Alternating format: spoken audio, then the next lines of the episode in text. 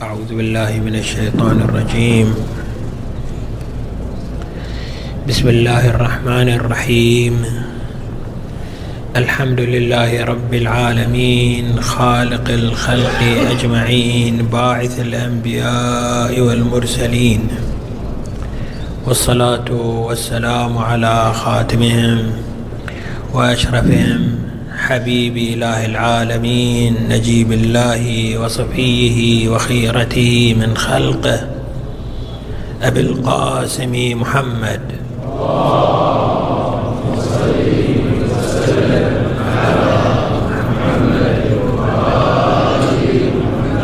وعلى آله الطيبين الطاهرين. الهداة الميامين واللعن الدائم الأبدي على أعدائهم وظالميهم إلى قيام يوم الدين. السلام عليكم أخواني المؤمنين ورحمة الله وبركاته. أوصيكم ونفسي بتقوى الله عز وجل واجتناب محارمه. قال تعالى في محكم كتابه الكريم بسم الله الرحمن الرحيم. وما تكون في شأن وما تتلو منه من قرآن إلا كنا عليكم شهودا إذ تفيضون فيه. وما يعزب عن ربك من مثقال ذرة في الأرض ولا في ولا في السماء ولا أصغر من ذلك ولا أكبر إلا في كتاب مبين. ألا إن أولياء الله لا خوف عليهم ولا هم يحزنون. الذين آمنوا وكانوا يتقون. صدق الله العلي العظيم. نبارك لكم أيام شهر شعبان المبارك وإقبال شهر رمضان. الذي جعله الله عز وجل هدى للناس وأنزل فيه القرآن هدى للناس وبينات من الهدى والفرقان. خلال الأيام القادمة سوف يجدد الله عز وجل بإذنه وبرحمته وبكرمه علينا وعليكم جميعا. نعمة هي أعز وأكرم وأجلى. من كل النعم. أنت أيها الإنسان المكرم الإلهي الذي خلقك الله عز وجل أكرم مخلوقاته. لما أمر الله عز وجل الملائكة بالسجود لآدم عليه أفضل الصلاة والسلام كان أمرا لإكرام وإجلال هذا المخلوق. قال تعالى وإذ قلنا للملائكة اسجدوا لآدم فسجدوا إلا إبليس. قال أأسجد لمن خلقت طينا؟ قال أرأيتك هذا الذي كرمت علي؟ أدركت الملائكة. ومنها إبليس أن هذا السجود هو رفع شأن لهذا المخلوق بحيث أنه عند الله عز وجل أكرم حتى من الملائكة أعز عند الله عز وجل حتى من الملائكة. الملائكة الذين خلقهم الله مطهرين لا يعصون الله ما أمرهم ويفعلون ما يؤمرون. الملائكة الذين هم أقرب الخلق إلى الله عز وجل والذين يقضون وجودهم في طاعة الله وعبادته أدركوا أنك أيها الإنسان أكرم عند الله منهم. ولهذا امتنع إبليس. إبليس عرف الحقيقة التي وراء هذا السجود وقال أأسجد لمن خلقت طينا؟ قال أرأيتك هذا الذي كرمت علي؟ أنا لست مستعدا لأن أتقبل هذه الكرامة. هذا كان موقف إبليس. وهذا هو البرهان الواضح على أن كرامتك أيها الإنسان عند الله عز وجل أعلى من جميع الموجودات. لعل الحديث القدسي المروي المنسوب إلى رسول الله صلى الله عليه وآله بغض النظر عن صحة صدوره أم البحث في سنده يبين لنا هذا الأمر. في الحديث المروي عن رسول الله صلى الله عليه وآله أن الله عز وجل خاطبك أيها الإنسان. يا ابن آدم خلقتك لأجلي وخلقت الأشياء لأجلك. هذا الوجود كله هو تحت إرادتك أيها الإنسان. ونحن في شهر رمضان نرى هذا المظهر مظهر الكرامة الإلهية لك مظهر الإعزاز والإجلال والإكرام لك أيها الإنسان في أجلى صوره وأعلى مراتبه. يقول رسول الله صلى الله عليه وآله وهو العالم بحقائق الموجودات والعالم بحقائق الوجود. أيها الناس إنه قد أقبل إليكم في خطبته المشهورة المعروفة المروية عند جميع المسلمين. أيها الناس إنه قد أقبل إليكم شهر الله بالبركة والرحمة والمغفرة. شهر هو عند الله أفضل الشهور. أيامه أفضل الأيام ولياليه أفضل الليالي وساعاته أفضل الساعات. هو شهر دعيتم فيه إلى ضيافة الله وجعلتم فيه من أهل كرامة الله. هذه الكرامة التي فتحها الله عز وجل لنا ولكم جميعا في هذا الشهر من تضييع الحظ تضييع الفرصة أن ندع هذا الشهر دون أن نتشرف كل هذا الشرف لنكون في ضيافة الله عز وجل. معالم هذه الكرامة. شهر رمضان كله كرامة من الله عز وجل. وتظهر لنا هذه الكرامات في هذا العناية الإلهية بك أيها الإنسان خلال هذا الشهر. يقول صلى الله عليه وآله إن شهر رمضان شهر عظيم.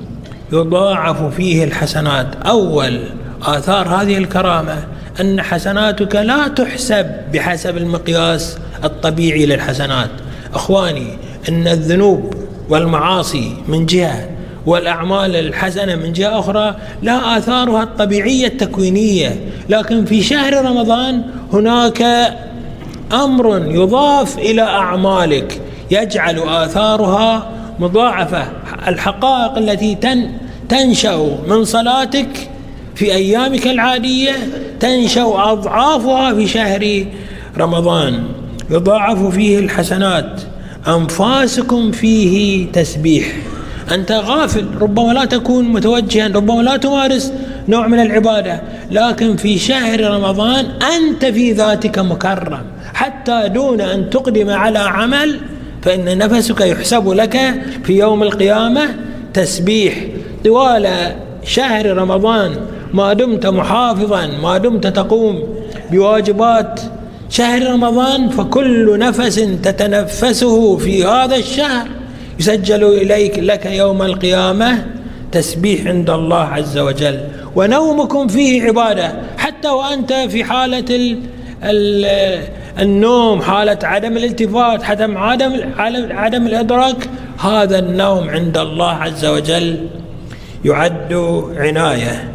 وأما تعمدك الطاعة لله عز وجل فإنها بلا شك مراتب أعلى وأجل وأكبر. يقول أمير المؤمنين صلوات الله وسلامه عليه في خطبته طبعا من الملاحظ أنه لرسول الله صلى الله عليه وآله خطبة في آخر شعبان يبين فيها مقام رمضان. ولأمير المؤمنين صلوات الله وسلامه عليه بيان في كرامة شهر رمضان. ولأئمة الهدى صلوات الله وسلامه عليهم أجمعين خطب توضح حقيقة ومقام شهر رمضان. يقول أمير المؤمنين عليه الصلاة والسلام وجعل لمن تطوع فيه بخصلة من خصال الخير والبر سواء صلاة سواء طاعة سواء معونة مؤمن سواء أداء خير إلى الناس سواء صلة رحم كل خيرات شهر رمضان.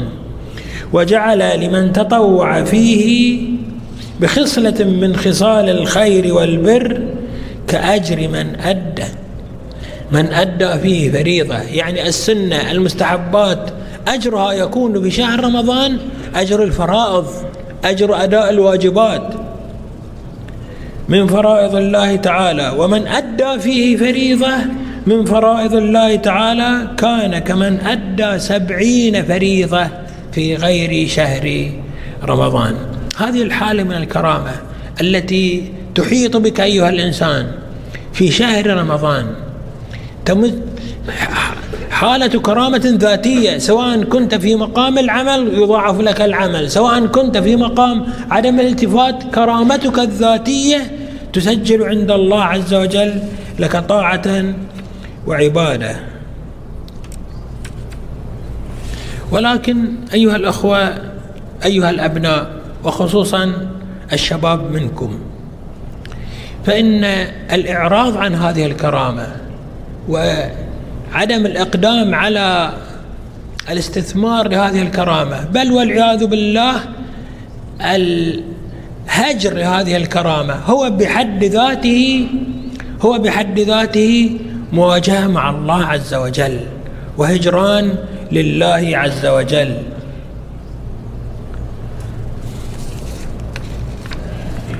يقول صلوات الله وسلامه عليه واحفظوا ألسنتكم وغضوا عما لا يحل النظر إليه أبصاركم وعما لا يحل الاستماع إليه أسماعكم. في هذا الشهر كل عمل من أعمال الإثم والمعصية فإنها مضاعفة أثرها لأنها من جهة معصية ومن جهة ثانية إعراض عن الله عز وجل. أنت كمن يفتح لك الكريم الرحيم أبواب خيراته وأبواب نعمه ويستضيفك عنده وأنت لا تبالي ولا تعتني ولا تهتم ولا تقوم بحق تلك الكرامة عند الله عز وجل.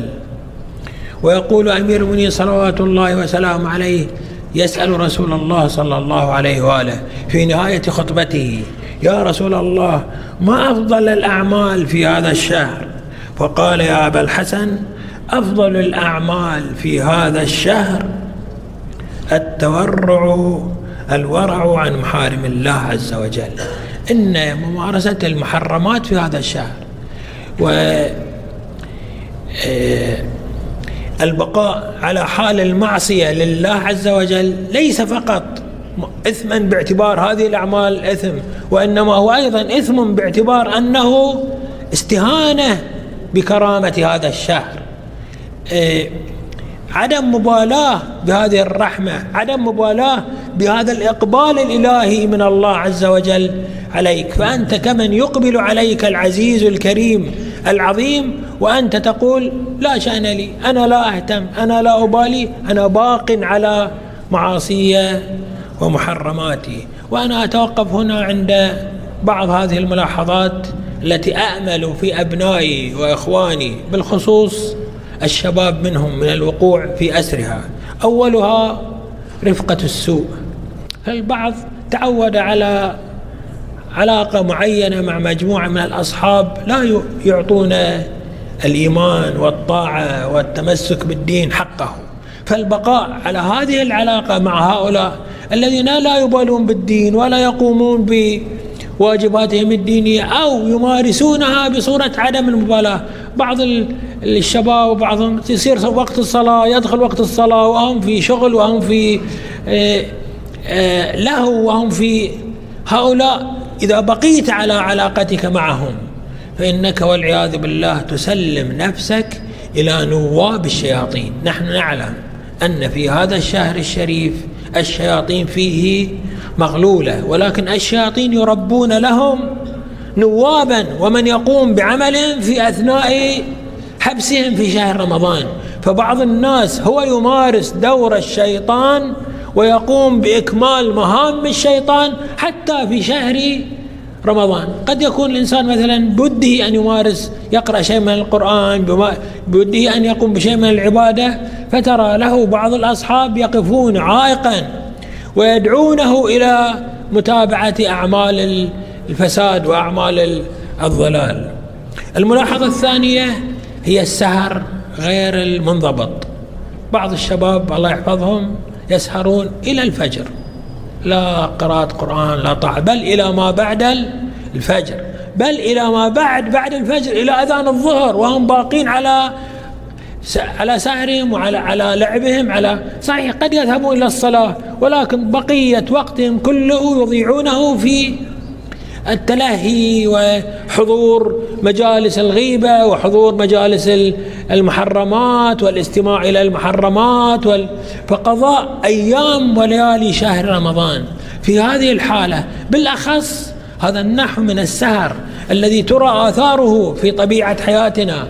وفي مظاهر حياتنا. ففي أيام شهر رمضان تكاد صلاة الظهر تصبح مهجورة. معظم الشباب يسهرون طوال الليل وينامون إلى قريب أذان المغرب.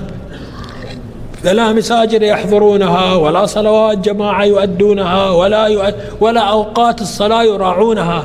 هذا النحو من الحياة يفسد شهر رمضان ويذهب بقيمة شهر شهر رمضان.